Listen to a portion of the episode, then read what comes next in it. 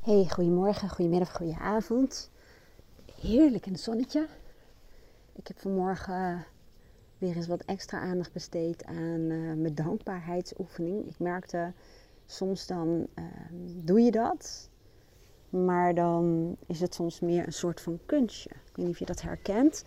En ik zeg ook altijd, uh, dankbaarheid kan echt enorm veel veranderen aan je gedachten, aan je gevoelens, aan je stemming. En je kunt ook makkelijker dan een bepaalde uh, stemming zelfs weer keren. Dus je kunt als het ware je emoties dan verhogen.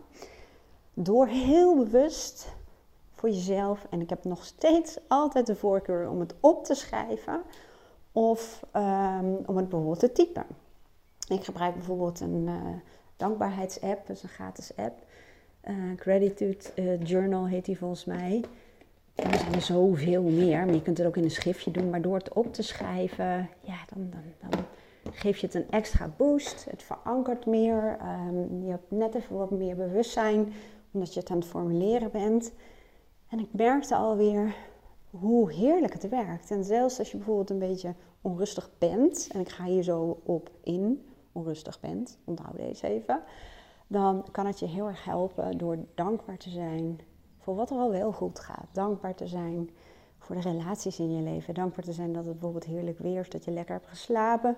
Of misschien is het wel heel regenachtig, maar voel je je hartstikke goed. Dankbaar voor de progressie die er is. Dankbaar voor de ideeën die je hebt. Ja, dankbaar voor het leven. Ik ben ook gewoon elke dag oprecht dankbaar dat ik er ben.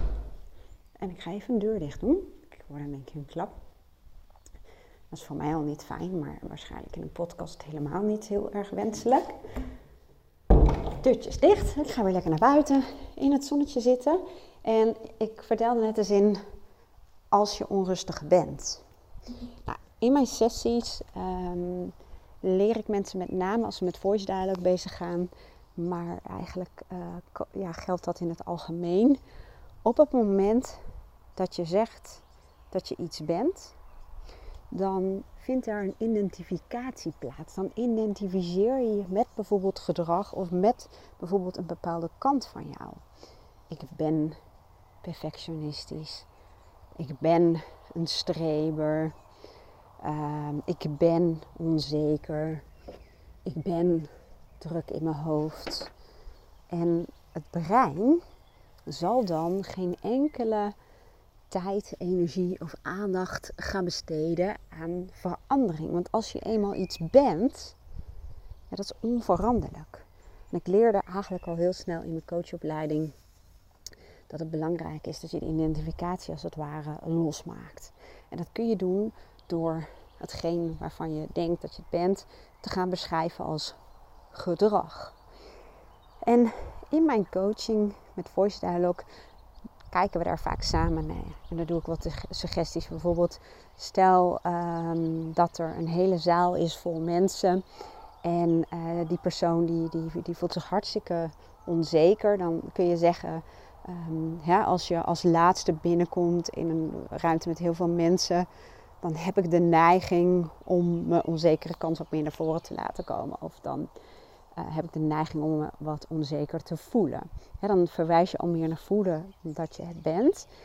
Maar vanmorgen luisterde ik een uh, Instagram story van een uh, vrouw die is bezig met de wet van aantrekkingskracht en dat soort dingen. Ik had nooit van haar gehoord, maar ik werd getriggerd doordat zij het over hooikoorts had.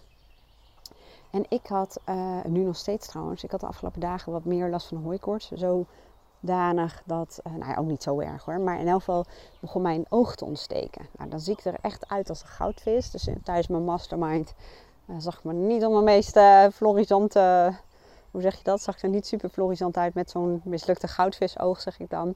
Maar goed, het is wat het is. En ik merk nu nog steeds dat het er een beetje apart uitziet. En zij had het over hooikoorts en ook over ja, wat de functie daarvan is. En ik geloof daar ook in. Dat, tenminste, laat ik het zo zeggen, ik werk daar voor mezelf ook mee. En voor mensen die daarvoor openstaan tijdens de coaching hebben we het er ook samen over. Van wat voor functie heeft bijvoorbeeld een lichamelijke klacht, kwaal of soms zelfs ziekte voor jou. En bijvoorbeeld mensen die heel erg veel tegenzin hebben om bijvoorbeeld naar een teamuitje te gaan.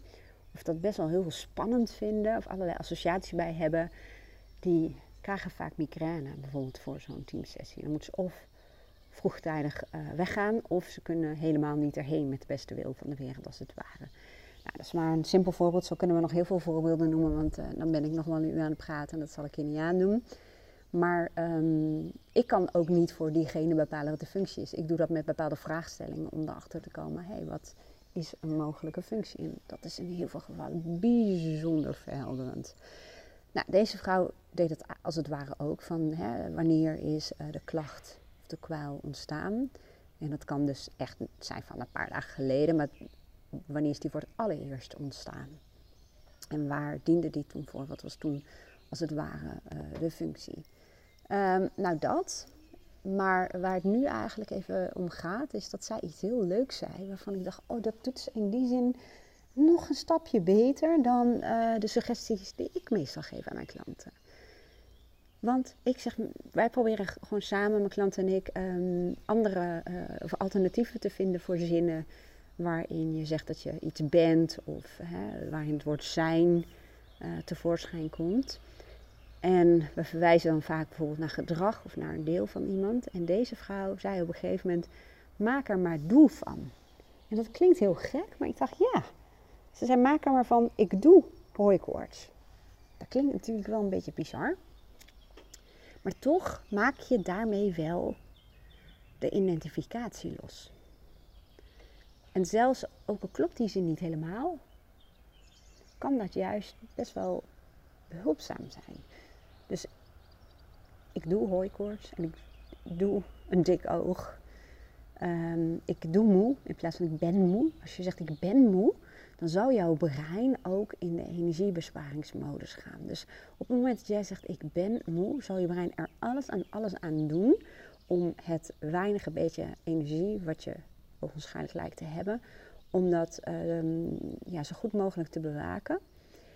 En daarom zal het ervoor zorgen dat je bijvoorbeeld uh, je afschermt uh, naar de buitenwereld. Dat je wat meer in jezelf gekeerd bent. Dat je wat minder interesse hebt, wat korter lontje. Uh, dat je probeert het minimale te doen. Dat je enorm veel weerstand voelt bij bepaalde taken. En dat komt omdat je tegen je brein hebt gezegd, ik ben moe. Dus het zal voor jou gaan zorgen. Maar je kunt je wel voorstellen als je bijvoorbeeld zou zeggen, ik doe moe. Dat je brein op een heel andere manier daarmee omgaat. En in mijn beleving is het dan ook nog zo. Stel dat je zegt wat je bijvoorbeeld vandaag heel graag zou willen doen of zou willen ervaren. Um, en dat je dan zegt, ik doe moe, dan zal je brein meer gaan zoeken naar mogelijkheden om toch die dingen te doen die belangrijk voor je zijn. Snap je een beetje waar het over gaat? Dus dankjewel. Ik weet even je naam niet. Ik ga natuurlijk wel even jouw Instagram-account hieronder zetten. Ik hou er altijd van als ik iets van iemand opsteek om ook de bronvermeldingen bij uh, te zetten. Um, wellicht kun je je ook door haar laten inspireren. En ik vond het eigenlijk heel fantastisch. Het is weer zo iets moois, iets simpels. Maar het maakt je sowieso bewust. En ik geloof echt heel erg in bewustzijn. Um, dat dat de start is van alle verandering en alle mogelijke positieve veranderingen. Um, plus, je maakt de identificatie los, waardoor er veel meer ruimte ontstaat ja, voor ander gedrag, voor andere mogelijkheden. Dus even kijken of nog meer voorbeelden. Uh, net als heel veel mensen zeggen, ik ben een perfectionist, ik ben een streber, ik ben hoogbegaafd, ik ben hoogsensitief. Maak er maar eens doe van. Ik doe hoogsensitief, ik doe hoogbegaafd, ik doe perfectionistisch. Waardoor je eigenlijk ook al zegt, dat is niet het enige wat ik ben. Het is een deel van mij. Er is zoveel meer. En ook op het moment dat je zou zeggen, ik doe hoogsensitief. Misschien dat je dan ook makkelijker in staat bent om uh, regie te pakken over um, wat is er dan nu in de hand. Hè? Laat ik misschien prikkels tot me komen die totaal irrelevant zijn.